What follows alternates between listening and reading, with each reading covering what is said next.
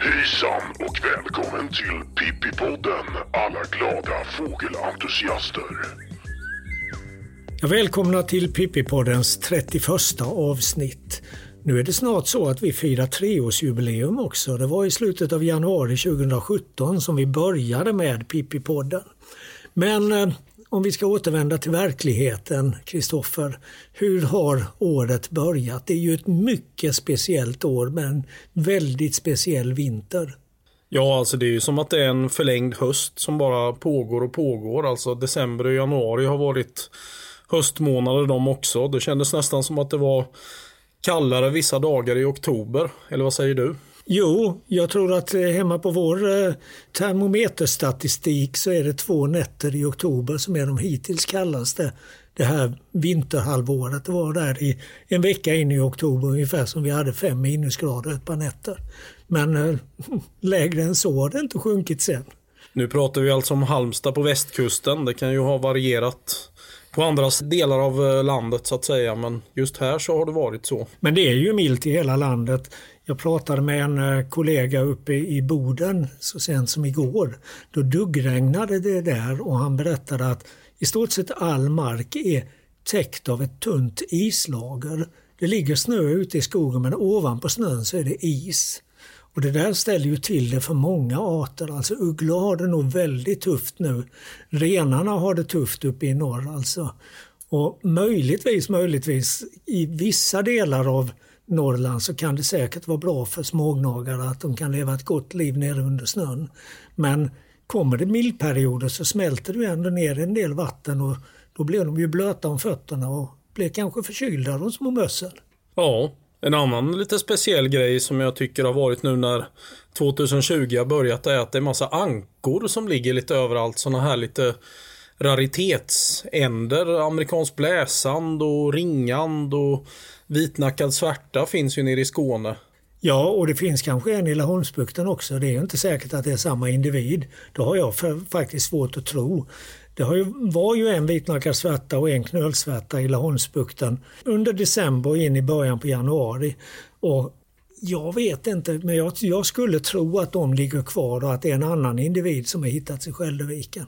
Det kan vi hoppas när vi ska göra den här andfågelräkningen som görs varje år en bit in i januari. Problemet är ju att det har blåst hela tiden och med blåst och vågor så är det ju väldigt svårt att räkna änderna. Vänta förgäves här verkar det som på en dag med stilla väder.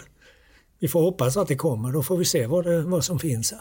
Ja, ja, och sen har det ju varit i Falkenberg och på Öland har det ju setts övervintrande härfåglar som hittar mat nu mitt i vintern och även den här masksädesärlan, den här personata sädesärlan som var uppe på Jätterön i Varberg i november. Den dök ju upp eh, i slutet av eh, december igen och sågs på Jätterön fram till sista december, alltså nyårsafton. Men sen försvann den puts väck därifrån och jag vet att Mikael Nord bland annat tror att det handlade om att det smälldes en väldans massa fyrverkerier och raketer där uppe så då lämnade den här sädesärlan eh, Jätterön och flög ner till eh, Falkenberg och håller till utanför Falkenbergs reningsverk istället sedan drygt två veckor nu. Och det är väl också ganska många vanliga sädesärlor som övervintrar i södra Sverige i år. Ja, vi har ju ett par stycken här nere. På det här artrallyt så hade vi en i inlandet i Vapnedalen bland annat. Mm. Och eh, så finns det ju en ute vid kusten också. Ja, en eller ett par mm. till och med. Eh, jag tänkte på det du sa om den här personata sädesärlan som blev bortskrämd under nyårsnatten. Jag undrar om det var samma sak som hände med den svarthätta hanne som jag hade haft i min trädgård i två månader. Det var den sista fågeln jag såg under förra året. Precis i skymningen så var den och försåg sig av en talgboll. Och sen så tänkte jag att ja, det kanske ska bli den första fågeln jag ser det här året.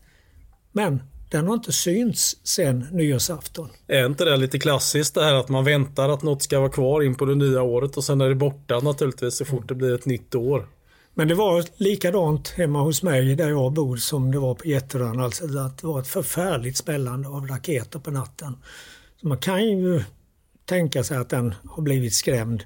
Alternativt så har den kanske fallit offer för någonting. Någon katt eller någon rovfågel eller så.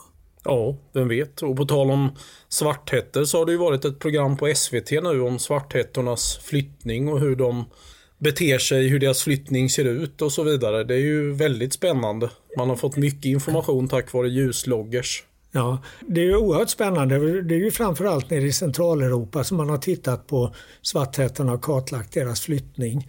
Där möts en sydvästflyttande grupp och en sydostflyttande grupp. Alltså två grupper som flyttar antingen väster eller öster om Medelhavet. Och om de här fåglarna parar sig med varandra, en från vardera gruppen, så får avkomman en flyttningsriktning som ligger mittemellan och som går liksom centralt genom Sahara då. Och den flyttningsriktningen är ju oftast fatal för dem. Alltså de fåglarna överlever inte, det är för stora påfrestningar för dem. Lite grann samma förhållande har vi ju med de svenska lövsångarna. Vi har ju en nordlig population, de här som kallas för akredula, som häckar ner till ungefär Hälsingland och, som flyttar ner till eh, sydöstra Afrika. Och sen har vi en sydlig population som häckar då i, i Götaland och Svealand och som flyttar till Västafrika. Och så har vi en sydlig population som häckar då i Götaland och Svealand och som flyttar till Västafrika. Just zonen där de här båda populationerna möts, där är det ganska ont om lövsångare och det har man förklarat med att avkomman av en hybrid, alltså en, när en nordlig och en sydlig parar sig med varandra. Deras avkomma får också en sån här central flyttväg och dukar under i Sara förmodligen. Ja, och sen hade man ju även kunnat se exempel på svarthättor som man hade satt ljusloggers på i Storbritannien. De hade ju kommit tillbaka sen från deras flytt, men det kunde ju vara svarthättor som bara hade varit en bit ner i Frankrike och sen kommit tillbaka upp. Det, det, har ju förmodligen i alla tider funnits svartheter nere i Centraleuropa som har flyttat norrut. Men tidigare så har det varit fatalt, de har dött helt enkelt under vintern. Men nu med alla fågelmatningar och alla planteringar med bärbuskar och annat i villaområden och i parker och längs vägar och annat så finns det ju jättemycket mat för svartheterna. Jag tror inte det är enbart fågelmatningarna som gynnar svartheterna på brittiska öarna. De svartheter jag har haft i min trädgård i Halmstad nu under de senaste ska vi säga 20 åren, lite från och till på vintrarna, de har ju oftast hållit till i en, eh, en cotonasterbuske, alltså en sån här oxbärsbuske där de har ätit oxbär. Det är först på senare år, sen jag började mata med skalade solrosfrön, som de har gått över till det. Och sen äter de lite grann av talgbollar med, men fortfarande är de här oxbären väldigt viktiga för svarthättarna verkar det som. Ja, det är intressant med svarthättorna med att det går ju i princip neråt för alla flyttande småfåglar men svarthättan ökar ju. Den har man ju lite varstans. Jag vet när man är ute och inventerar så har man sjungande svarthättor i tråkiga granplanteringar och allt möjligt sånt. Men när såg du din första svarthätta på vintern i din trädgård till exempel? Jag vill minnas att det var någon gång i början på 1990-talet. Kändes det som en sensation då eller? Ja, inte riktigt för då hade det funnits ett antal rapporter några år tidigare just från samma område med övervintrande svartäta. Så det var inte det var en överraskning naturligtvis men det var ju inget, det kändes inte unikt på något sätt. Eh, men svarthättan är ju också, det måste ju sägas att det är ju en av de mest anpassningsbara vi har av de fåglar vi har i Sverige. Den finner sig till rätta i snart sagt alla skogsmiljöer, bara det finns lite grann lövträd. Alltså den kan ju även finnas i en granplantering förutsatt att det finns lite, lite björksly och så. Ja, det här året har ju också börjat med en väldigt eh, häftig fågelupplevelse kan man säga. Och du har varit iväg och tittat på det här. Jag tänker på de här bergfinkarna som finns i miljontal på Hallandsåsen. Just på gränsen mellan Halland och Skåne. Ja, alltså det var som en biblisk syn. Man såg de här eh, bergfinkarna strömma fram under många, många minuter. Och det var som att det aldrig tog slut. Det här är alltså längs Rössjöns nordsluttning kan man säga, som de här bergfinkarna övernattar då på nätterna och sen lyfter de på morgonen och flyger ner för att leta bokollon helt enkelt. De äter ju någonstans mellan 5 till 10 gram bokollon varje dag om jag förstått det rätt. Kanske ännu mer. Och eh, Sen kommer de in på kvällarna och övernattar på samma plats igen och så är det så här dag ut och dag in beroende på hur mycket bokollon som finns kvar naturligtvis. De kanske måste flytta sig snart men det är ett väldans ljud i skogen. De låter lite som kväkande fåglar kan man säga. Alltså kväkarna anfaller på något sätt känns det lite som.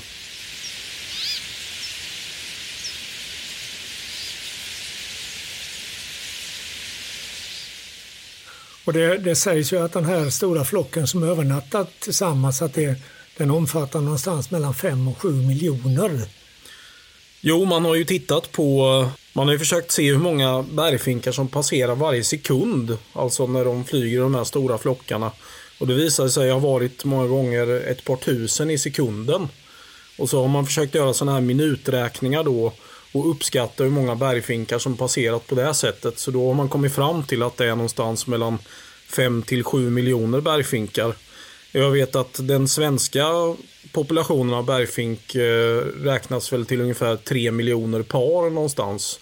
Och sen får ju de naturligtvis avkommor också. Så, så det är förmodligen en ganska stor del av det ska vi säga, fenoskandiska beståndet av bergfink som just nu finns på Hallandsåsen. Ja, absolut. Och säkert europeiska med om man räknar att det finns någon, någon bit över 20 miljoner par i Europa av bergfink. Och detta har ju blivit en stor eh, turistmagnet. Det är ju massor med folk som är där. Långt många fler än bara fågelskådare. Och jag läste om att förra vintern då vi hade väldigt lite bokollon i Sverige då var det istället nere i Sydosteuropa som det var sådana här stora ansamlingar av fåglar och också en turistmagnet. I, eh, någonstans i Slovenien räknade man med att det var en flock på ett par miljoner bergfinkar. Och det lockade ju mängder med människor alltså, för det är ju ett sånt häftigt skådespel verkligen. Men, men du blev inte rädd alltså? När jag tänkte på det här, du sa att kväkarna anfaller. Ja, jo, kanske lite rädd. Tänk om de hade fått för sig att vända och skita ner oss eller någonting. Det vet man ju aldrig vad som hade hänt då. Men de fortsatte ju på morgonen i någon, slags eh, sydostlig eller ostlig riktning över sjön där. Så att de eh, flög ner för att äta bokfrön eller bokollon då som det heter. Mm. Och just i år så har det ju varit ett fantastiskt bokollonår. Och ett bra bokollonår brukar vara ett bra år även för sorkar har jag förstått det som. Så att det då blir kanske rent av ett bra uggleår, en, en, en bra ugglevinter till slut. Det verkar ju så när det gäller kattuggla i alla fall i våra trakter då i sydvästra Sverige. Det är en väldig fart på kattugglorna just nu och det är kattugglor som redan har ungar som är på väg att klättra ur bona på några ställen. De måste ha gått igång redan i december månad med sin häckning, alltså tidigt i december till och med. Och det är ju ganska udda. Och på tal om det så var det ju faktiskt en hornuggleunge i Malmö. Ja, till och med två. Ja, till och med två. Där har man ju sett att det var 2,2 grader varmare i Malmö förra året mot vad det brukar vara. De honugglungarna de eh, måste ju ha kläckts tidigare än så, förmodligen i november någon gång. Men och är resultatet av en extremt sen häckning. I kattugglornas fall kan vi väl snarare tala om att det är extremt tidiga häckningar när de börjar redan i december månad. Men det lär vara ett väldigt tjoande på kattugglor på många håll. Jag hörde det själv en dag i, eh, under julhelgen att det var kattugglor som satt och ropade så högt så att jag vaknade när jag hörde dem genom fönstret. Alltså. Mm. De satt precis utanför fönstret och ropade intensivt under en lång stund. För året som gick, bland annat här i Halland, var ju inte alls ett bra uggleår 2019. Nej. Inte en enda pärluggla sågs i hela Halland om jag minns rätt. En, inte enligt rapporter från ringmärkare heller va? Nej, det var nog ett dåligt år. Och när det gäller pärluggla så är ju tyvärr trenden sådan i hela Sverige att den går ganska kraftigt tillbaka. Och den har ju för, i princip försvunnit från sitt eh, halländska utbredningsområde. Går vi en 30-40 år tillbaka i tiden så hade vi ju ett litet bestånd av pärlugglor. Men sen kom rävskabben och som följd av rävskabben kom ökade mården och jag tror att det var mården i första hand då som knäckte det lilla beståndet. Sen innebär ju naturligtvis skogsbruket att det är tufft för pärlugglorna. De vill ju ha mera naturliga skogar än granplantager. Ja, precis. Men sen kommer jag att tänka på bergfink igen då. Hur, vilken kontrast det var då om det finns upp till 7 miljoner bergfinkar på Hallandsåsen. Att när vi hade det här artrallyt i Halmstad 4 januari då var det ju väldigt svårt att hitta bergfink för det, ja, alla bergfinkar var ju på åsen i princip utom några få. Jag tror vi hade en bergfink på hela artrallyt. Ja, Hur gick det för er? Jo, vi såg också bergfink men bara någon enstaka. Men vi var inte på rätt ställe. För att nu i början av januari så är, har det funnits en flock här strax öster om Halmstad som innehåller någonstans mellan 15 och 20 000 individer och som drar runt mellan olika bokbestånd. Mm. Hur var det förresten i den här bokskogen där vid Rösjön? Var det gott om spillning på marken? Jag hörde att någon sa att det, var, det luktade guano på långt håll. Vi kände ju ingenting eftersom vi var där på morgonen. Man kan ju alltså åka dit både på morgon och eftermiddag. Beroende på om man vill se utflygning eller inflygning. Men tydligen på kvällen när de kommer in till övernattningsplatsen så sätter sig ju alla och skiter helt enkelt där, alla bergfinkar. Och då luktar det ju något fruktansvärt där inne i bokskogen. Mm. Men den lukten verkade i princip ha försvunnit på morgonen där, över natten. Men bergfinkarna sitter ju alltså inne i ett stort granbestånd där uppe på nordsluttningen. Och under dem på marken där så är det ju massor med fågelskit överallt. Alldeles vitt helt enkelt. Men lukten försvinner ju efter ett tag. Mm. Jag minns en vinter i, jag tror det var i början på 1990-talet och vi hade en motsvarande flock där nere i samma område. Precis på gränsen mellan Halland och Småland. Uppe på Hallandsåsen. Då, då var det också sådär att marken var helt vit under det område där de satt. Men då satt de och övernattade i en bokskog. Och en sak som man reagerade på där då också på kvällen när fåglarna kom in, det var att det regelbundet liksom trillade ner fåglar som dog. Alltså, och, och det var ju då någon som väckte misstanken om att de här fåglarna var förgiftade eller sjuka på något vis. Men när man tittade lite närmare på det så visade det sig att det var fullständigt naturlig dödlighet. När det är så många som alltså hundratusentals bergfinkar i en enda liten skogsdunge.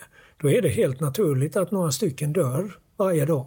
Just då på kvällen när de kom in för övernattning, det var kanske någon form av påfrestning då som gjorde mm. att de trillade ner. Sen blir naturligtvis en och annan påkörd där med på åsen eftersom det är en del biltrafik när de sitter på marken och äter de här bokollonen då. Men en annan art är ju faktiskt gråsiska. Det har man inte sett så mycket av den här eh, vintern. Grönsiskor däremot som eh, äter alfrön och sånt där. Det verkar ju vara rätt så gott om men gråsiska verkar vara svårare. Gråsiskor lär ju vintertid huvudsakligen leva på björkfrön, i alla fall längre norrut.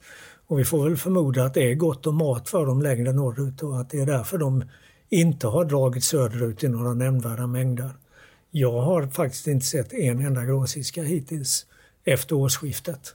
Och sen måste vi också nämna det här med tallbitarna. Åtminstone här i Halland har ju pågått invasion sedan slutet av oktober. Vi pratade ju om det i förra avsnittet med och nu är vi inne i mitten av januari och nu börjar det ju sina med tallbitar men det finns ju faktiskt några små flockar kvar.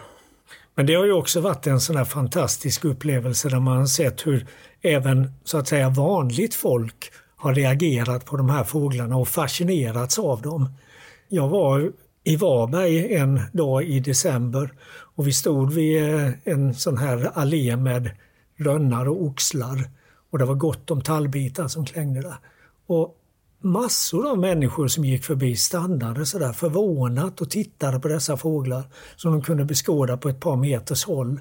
Både när de satt och klängde och i träden och när de var nere på marken och drack vatten.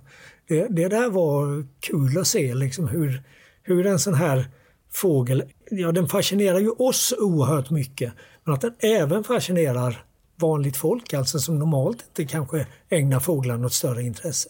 Ja, jag tror alla uppskattar ju tallbitarna. Du skrev ju någon artikel om tallbitar i Hallandsposten med. Och samma dag så råkade vi vara ute när den här artikeln hade kommit och då träffade vi på folk lite varstans. Det var Erikshjälpen i Halmstad liksom. Åh, är det tallbitarna och sådär. Och helt plötsligt kommer ett eh, sms från den lokala pizzerian där man käkar någon gång ibland sådär. Det finns tallbitar här utanför. Då har ju de läst i tidningen att det fanns tallbit så det är ett bra sätt att en bra fågelart att sprida fågelintresse med tycker jag. Så eh, ja, på nyårsafton hade vi en häftig syn, Frida och jag, när vi var ute. Då var vi på en kyrkogård utanför Halmstad. I Eldsberga söder om Halmstad. Då var det en liten flock med tallbitar med bland annat en ringmärkt tallbit som vi försökt dokumentera. Som vi försöker få svar på var den kommer ifrån. Det har vi inte fått än. Men de flög ner och drack ur de inristade bokstäverna på en gravsten. Det var en sån här surrealistisk upplevelse nästan. Men det måste ha varit en liggande gravsten då? Alltså. Ja, precis.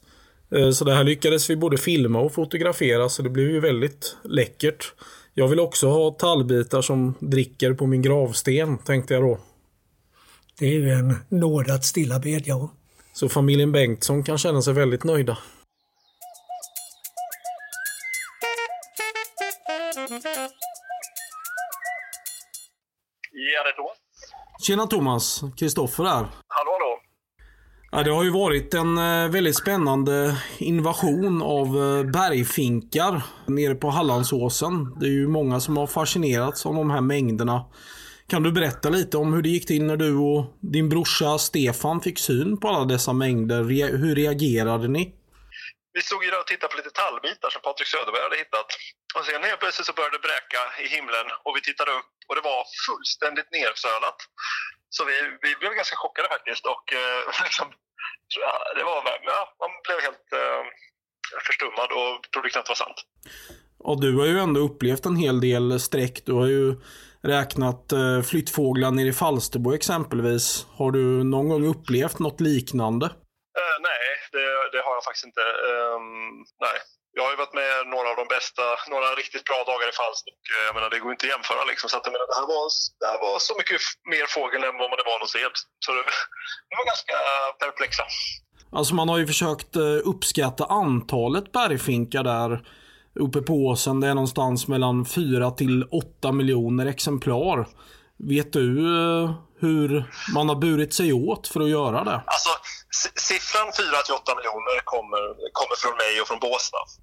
Det, egentligen, när fåglarna kom så där, menar, både jag och brorsan är ju hyfsat vana sträckräknare och sådär jag är hyfsat insnöad på att räkna fåglar. Liksom. Men eh, grejen var att det, fun det, det funkade liksom inte. Vi hade fåglar från rakt, rakt upp och sen eh, över en kilometer söder om oss. Så de kom ju, när det kom som intensivast, då kom det ju så otroligt brett i flera stråk. Alltså det, det, funkar inte de vanliga metoderna man har liksom, när det är så mycket fågel så kontinuerligt. Att liksom så här, ja, räkna igenom flockar och skapa någon idé om flödet som man ibland gör när man intervallräknar i Falsterbo. Och så där. så att, ja, det, var, det, var, det var väldigt svårt. Så det, antalsuppskattningen är, är, är framförallt baserad på bildanalys i kombination med eh, tider och så från strecket. Och, eh, för jag menar, vi kom in, I fält så kom vi inte mer till, kom vi ungefär så långt att vi insåg att vi har, man har många tusen fåglar i kikarfältet hela tiden och de passerade vi på, på ett par sekunder. Liksom. Oh. Så det, det, var ju det, det, det, det är helt absurda summor och så har jag suttit och klickat igenom bilder och räknat hur många fåglar det är i bilden och hur, långt, hur lång tid det skulle ta för dem att passera baserat på flyghastighet som Alerstam har mätt upp och lite sånt där. Vad så spännande. massa klickande. Så egentligen så, så nådde jag inte något antal. Jag, det här var ju 22 december och sen eh, så de första mer noggranna siffrorna när jag sa att vi, liksom, vi landar runt 7 miljoner, det var ju efter några dagars räknande på bilder och liksom överväganden. Vad tror vi om det här egentligen? Så um, på, på, plats så, så, var vi faktiskt lost. Utan det, det är uppskattning utifrån foton och tider kan man säga. Det låter ju väldigt spännande och frustrerande på samma gång. Jag har ju själv lite mobilfilmer därifrån. Man skulle kunna testa och göra lite, blanda lite och titta hur det ser ut på olika bilder. Och sen kanske räkna då, men eh, då har du kanske sett att det har gått ett antal tusen någon sekund och flera tusen en annan sekund och så vidare. Eller hur har du burit dig ja, åt alltså, jag, jag, jag har räknat igenom några bilder när jag klickar igenom. Jag kommer nog titta på fler. Men bland annat då, för, att, för att kunna enkelt så tog jag, har jag analyserat bilder där, där stråket gick lite längre bort så att jag har dem rakt från sidan. Eh, och liksom de kommer på något, i något ja, på något visst håll, inte för stor spridning. Och så ser jag hur, hur stora fåglarna är och eh, så vet jag vilken flyghastighet de har. Så räknar jag alla på bilden så vet jag hur lång tid det kommer, det kommer att ta för dem att passera. På den bilden så fick jag det väl till när jag hade räknat bort den min, vinden som jag hämtade från SMHI. Då var det, var det 17 eller 1800 fåglar per sekund det innebar.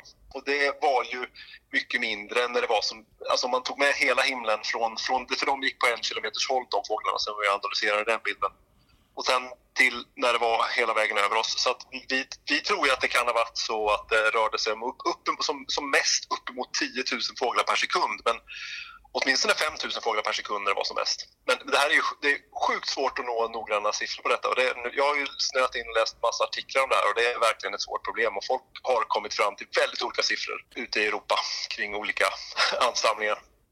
Har du någon eh, teori om varför det kommit ner flera miljoner bergfinkar på Hallandsåsen just den här vintern 2019-2020?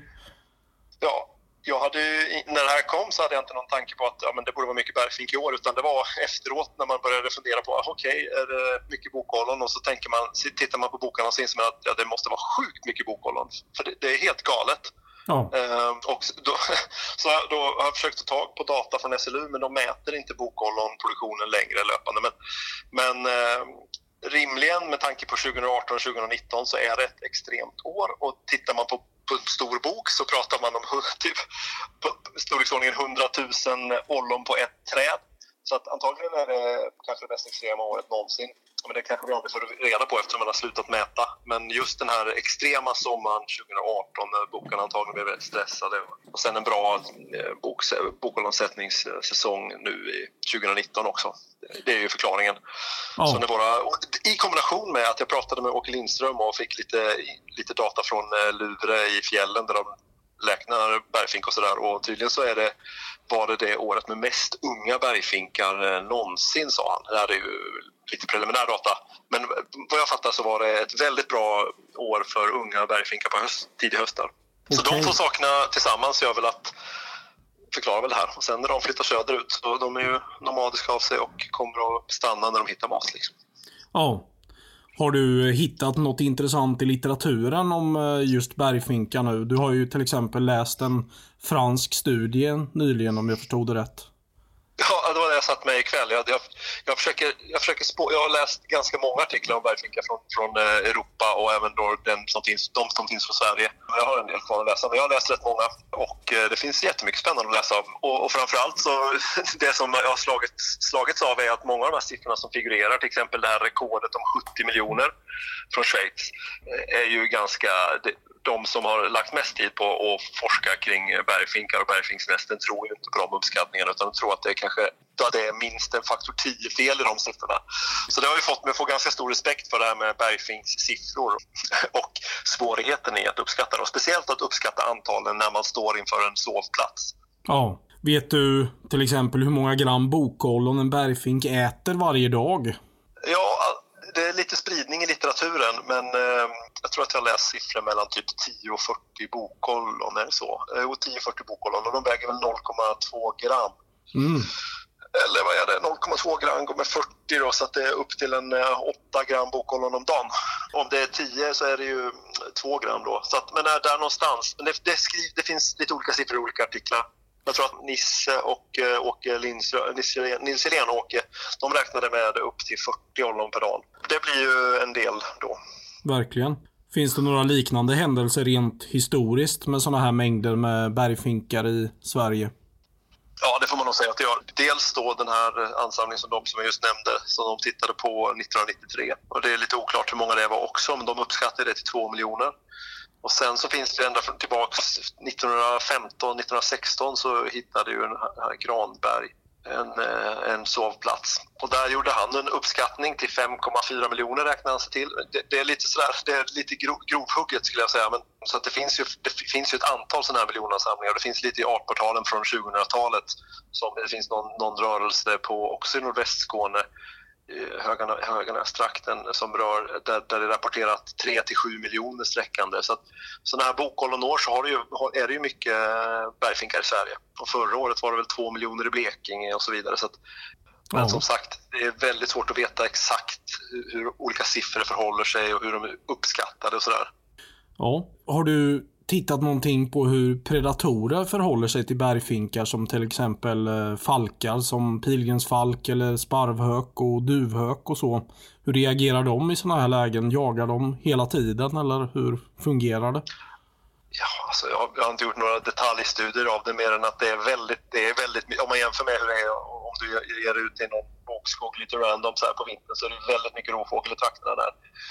Och eh, det som jag har, det som jag har slagits mest av blivit lite förvånad över är hur mycket ormbråkar det är som, som eh, hänger kring eh, bergfinkarna där. och funderar på kommer de att lyckas verkligen. Och sen så fick jag höra idag från Raul Vicente att han eh, faktiskt lyckades se en ormbråk som gjorde något utfall och sen hörde han, han, han, måste, han tror att det var dödsskrik från eh, bergfinken. Och det är klart att hänger de där så rimligen så lyckas de annars, för hade de inte, annars hade de väl gett upp. Liksom. Men jag menar, sen så drar, vi har sett både duvhök och sparv, många sparvhökar, två pilgrimsfalkar i området. Och, och eh, Raul hade ju en eh, sparvuggla idag. Så att, jag menar, det, det, det finns nog det finns mycket rovfåglar, så det, det, kan man ju titta på och se vad man, hur det funkar. Jag, jag, var ju rätt, liksom, jag var verkligen förvånad när jag stod där en morgon när det ljusnade och jag insåg att det satt ormbråkar och sparvhökar i kanten på grandungen mm. där det satt i princip bergfinkar omkring dem. Och när ormbråkarna rörde på sig, då rörde bergfinkarna på sig. Men de satt där liksom. De fick liksom inte plats att sitta någon annanstans för det var så mycket bergfinkar. Alltså man, det, det, de, det är ju så att de, de konkurrerar ju om de bästa platserna och, och, ingen vill sitta i kanten. Men jag menar alla ansamlingar där det finns fåglar, någon är ju i ytterområdet. Så ja. Har man sett några tendenser till att bergfinksantalet har minskat där nu? De har ju varit där uppe på åsen i ja, snart cirka en månads tid. Alltså, om jag, jag prat, när jag höll på att leta efter det så klurade så pratade jag med lite folk jag stötte på där uppe och, och, och se om de hade sett något. De sa att det hade varit väldigt mycket fåglar i området ända sedan oktober-november så att frågan är om de kan ha varit där i det här, haft det här ända sedan, alltså i, i ett antal månader. Mm. Och rimligen så har de ju ökat i antal allt eftersom liksom, bergfinkarna kommit ner så har de bild, träffat, på, träffat på varandra och ansamlas mer och mer för det är så de verkar bete sig. Att de ansamlas i större och större grupper så då har vi antagligen byggts på och blivit mer och mer där. Och det kanske, det kanske har fortgått ända till, till nu ungefär. Liksom. Oh. Och vem vet, det kanske kan bli ännu mer där om de, om det liksom, de plockar upp fler och fler bergfinkar från andra delar av Skåne och de, de har fortfarande inte nått en så stor massa att det delas upp eller vad, vad man nu kan tänka sig kan hända. Så de kanske har ökat hela tiden fram till nu snarare.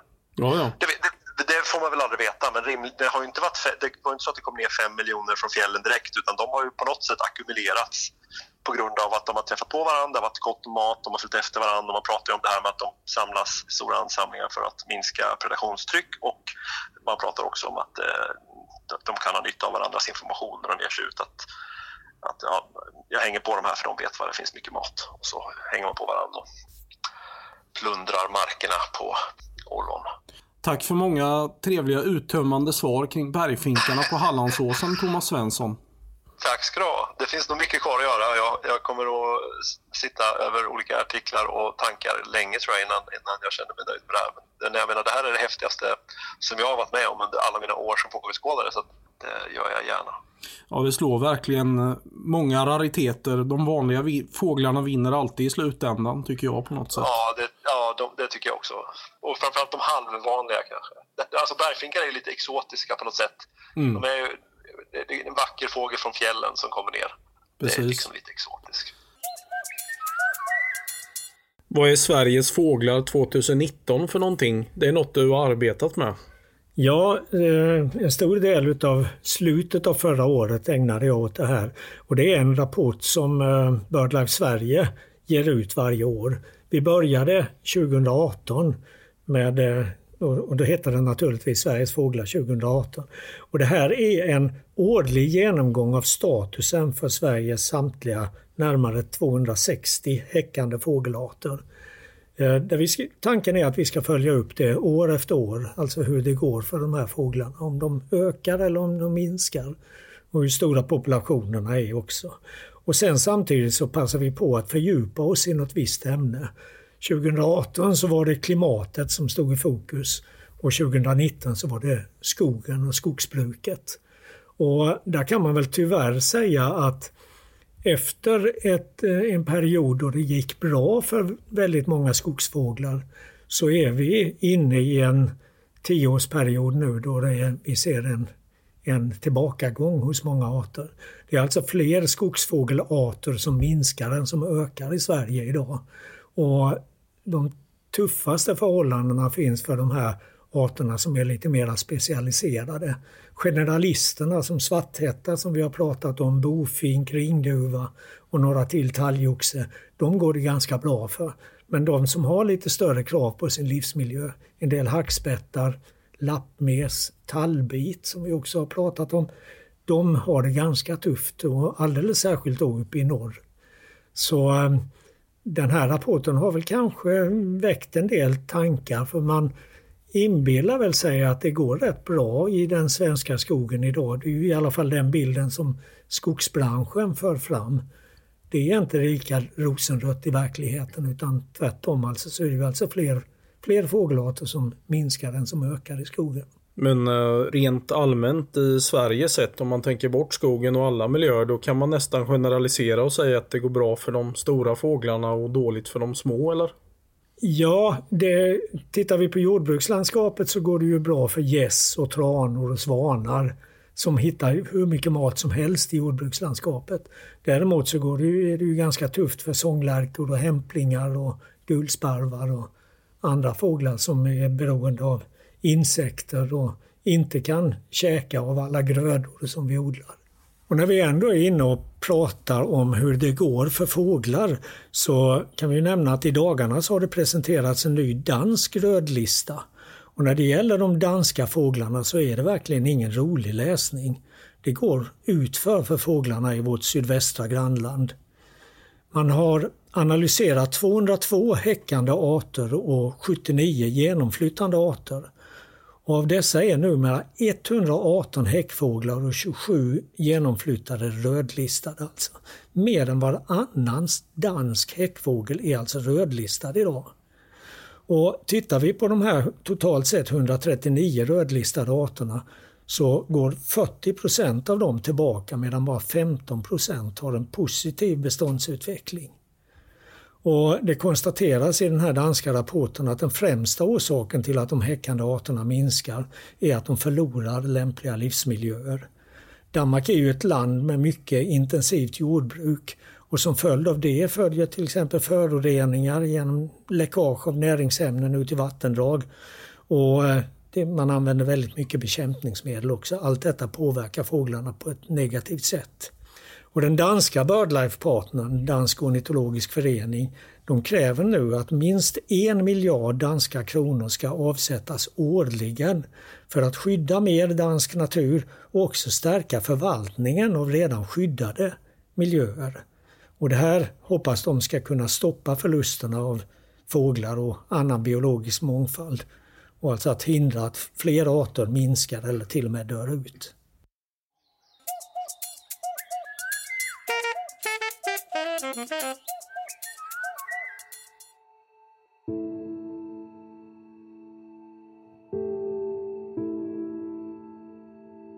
Vintern kom. Fåglarna tystnade allt mer i skog och mark. Men så kom tallbitarna till södern som en slags nåd i livet. Söta, småpratande, livligt visslande och häftiga från taigan långt, långt bort. Vi möttes på bara några meters håll. Tallbitarna hade inget bordsskick de ville åt rönnbärskärnan och lät bärresterna vara kvar runt näbben som runt munnen hos en tvååring på kalas. De var som dansande smycken i träden. Det var kring millennieskiftet. Jag cyklade en januaridag genom min uppväxtort Hultsfred. Det var kallt. Snön låg som puder på marken och folk gick längs cykelbanan med tomma blickar. Det var efter jul och nyår. Pengarna var slut och jobbet och skolan hade börjat igen. Det var tyst, så väldigt tyst ute. Jag tänkte för mig själv att man i alla fall brukar höra en kråka eller åtminstone en talgoxe som nästan lockar till lite av misstag. Just bara för att det inom den bultar ett litet hjärta som alltid längtar efter våren oavsett väder. Den vill ju sjunga, para sig, lägga ägg och föda upp minst 10-12 ungar. Ja, kanske lägger den till och med två kullar. Vintern är en tråkig tid där man mest hänger upp och ner på talgbollar och ser upp för sparvhökens vassa klor om man är en liten talgoxe. Och så cyklade jag vidare. Men så, när jag befann mig i höjd med grillkiosken, inte långt från premacken, hörde jag ett fågelläte jag aldrig tidigare hade hört.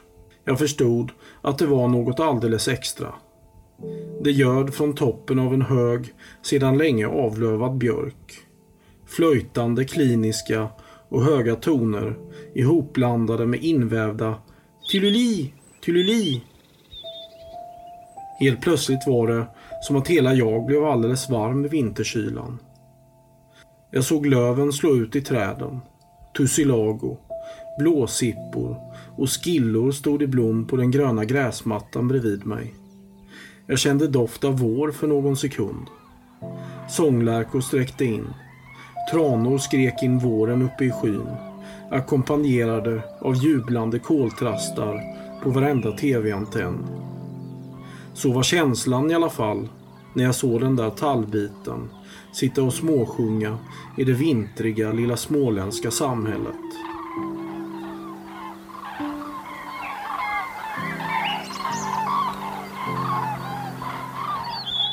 Jag tänkte, tallbit är verkligen inget bra namn på en sån häftigt sjungande fågel.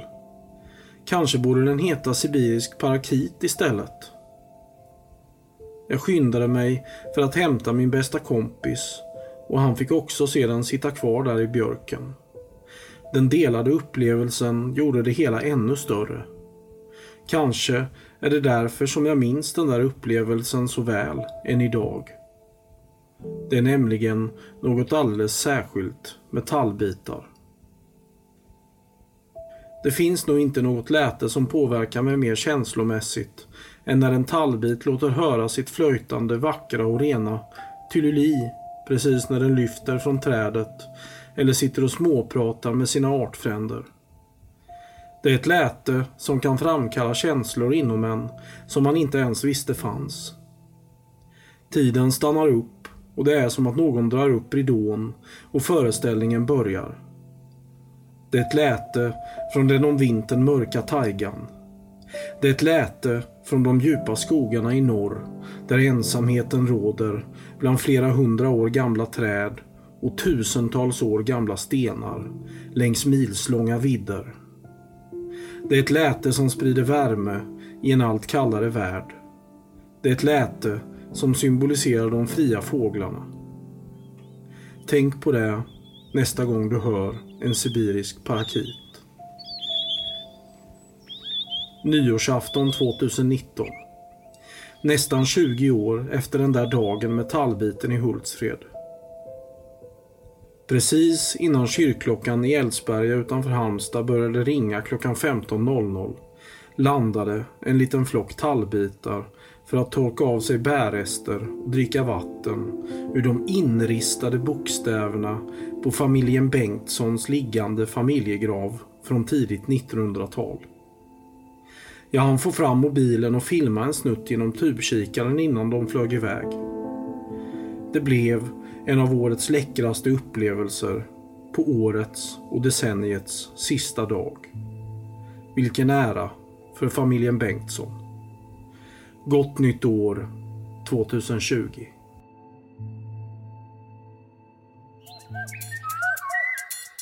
Men nu du Gullet, nu måste vi faktiskt prata om sex. Ja, se, se inte så rädd ut. Jag vill prata om andsex, det vill säga om fortplantningen hos änder. Det är ett spännande område som faktiskt säger en hel del om grundläggande biologi och kanske även en del allmänt om könsroller.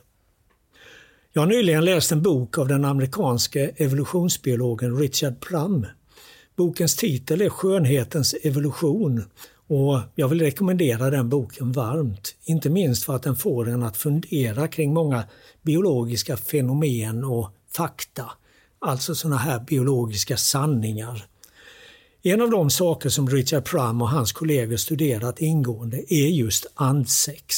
Och det är som sagt väldigt spännande. Men vi kan ju börja med att konstatera att just vid den här tiden på året, alltså mitt i vintern, så sker parbildningen hos de flesta andarter. Men det innebär inte att de parar sig. För det kan de inte. De allra flesta arterna kan inte para sig nu eftersom deras könsdelar inte är fullt utvecklade. Och så är det hos de allra flesta fågelarter att könsorganen fungerar bara under en väldigt kort tid på året. Under andra tider så är de tillbakabildade för det är ju ingenting att gå och släpa på när man inte ska använda det. Och bortsett från många, ska vi kalla det, halvdomesticerade gräsänder så dröjer det ytterligare ett par månader innan det är dags för parning hos änderna. Men då kan det gå hett till och särskilt honorna kan råka mycket illa ut. Richard Prum hävdar att så mycket som 40 procent av alla parningsförsök hos gräsänder utgörs av påtvingade parningar.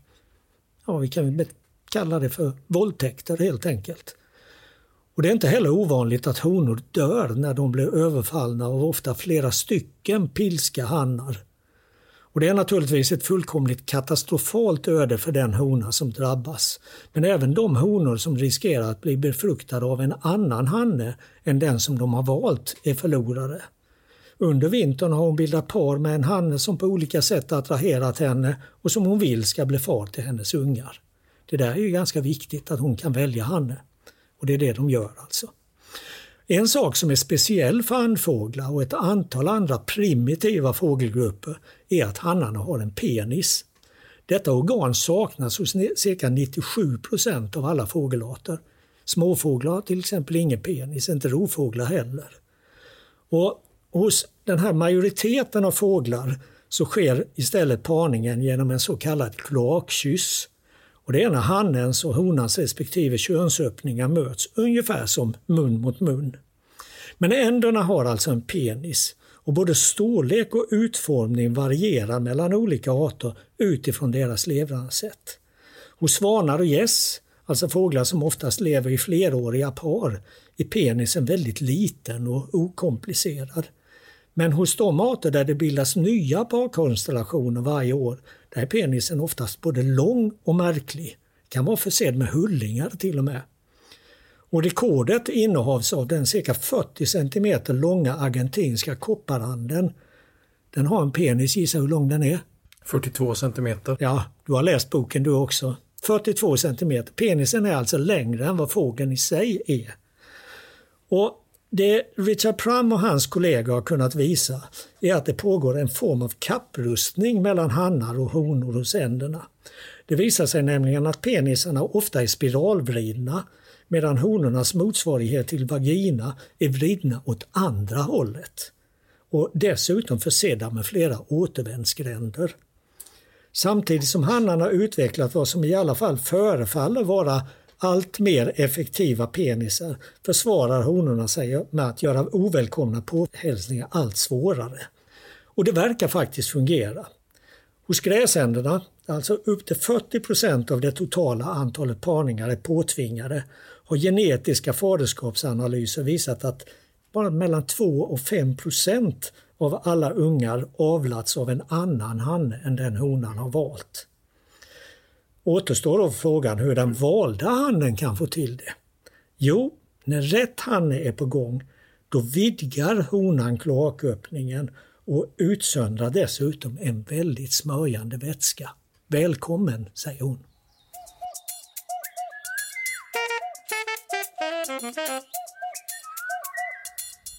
Nu är vi ju inne i år 2020 och eh, det är ju alltså det femtonde året på raken som vinterfåglar in på knuten sker den sista helgen i januari. Och dessutom fyller Sveriges ornitologiska förening BirdLife Sverige 75 år. Ja, det händer ganska mycket. När det gäller vinterfåglar in på knuten så är det viktigt att säga att det äger i år rum från den 31 januari till den 3 februari. Alltså det är precis i månadsskiftet då. Lördagen är ju den 1 februari.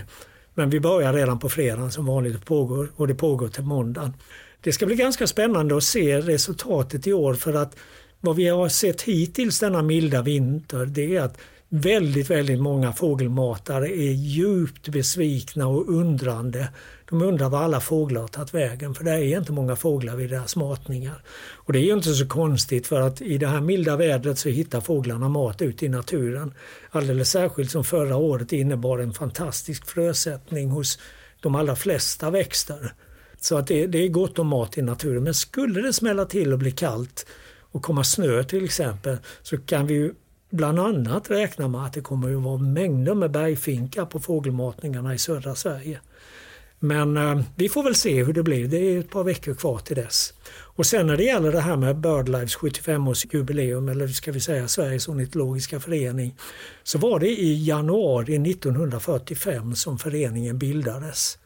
Och eh, då fanns det ett stort intresse för en ornitologisk förening många utav den tidens ornitologer hade sett med avund på Danmark och Finland som hade ornitologiska föreningar och välrenommerade ornitologiska tidskrifter och så. Och man ville ha något liknande i Sverige.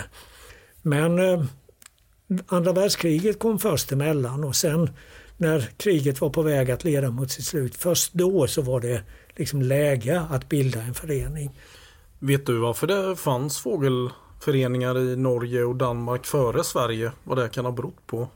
Nej, det är svårt att säga och lite märkligt egentligen om man tänker på att Sverige var ju ett tidigt föregångsland med Rudbeck och, och Carl von Linné och sedan Sven Nilsson på 1800-talet, Gustav Kolthoff. Vi har ju en lång historia av ornitologer, framstående ornitologer som inte bara var framstående i Sverige utan i, i Europa. Men eh, början av 1900-talet var nog ett ganska mörkt kapitel för naturintresset i Sverige överhuvudtaget. Det, det var först då fram på 30-talet som det började växa fram.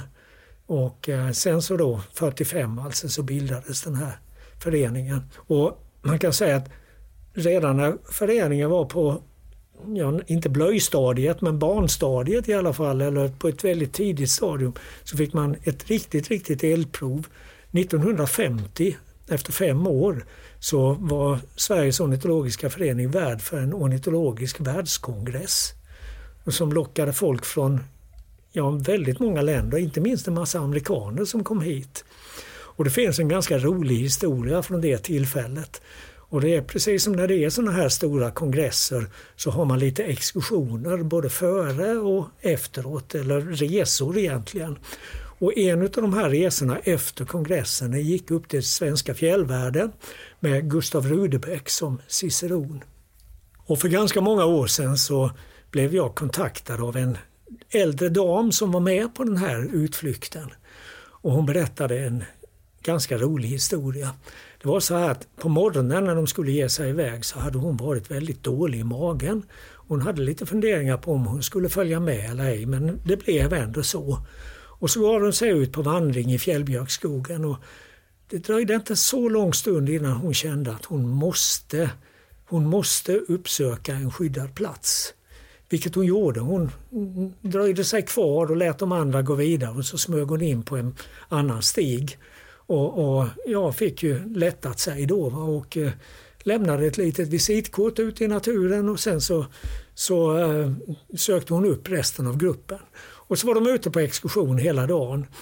Och omsider så gick de då tillbaka mot utgångspunkten och till sin förvåning och bestörtning så såg hon att Gustav Rudebeck då valde att gå in på den stigen som hon hade varit. Och det hör till saken att inledningsvis på dagen så hade Gustav Rudebeck berättat för de här tillresta ornitologerna från olika delar av världen att i det här området här finns det björn. De här stigarna ni ser, de är delvis upptrampade av björnar. Och när hon då går där fram på kväll, eh, eftermiddagen eller kvällen och med stigande fasa ser vart Gustav Rudebeck leder gruppen så hör hon plötsligt honom ropa i triumf. Här ser ni vad jag sa! Här är beviset! Alldeles färsk björnspillning! Redigering av Frida Nettelblatt. Pippipodden produceras i samarbete med Studiefrämjandet.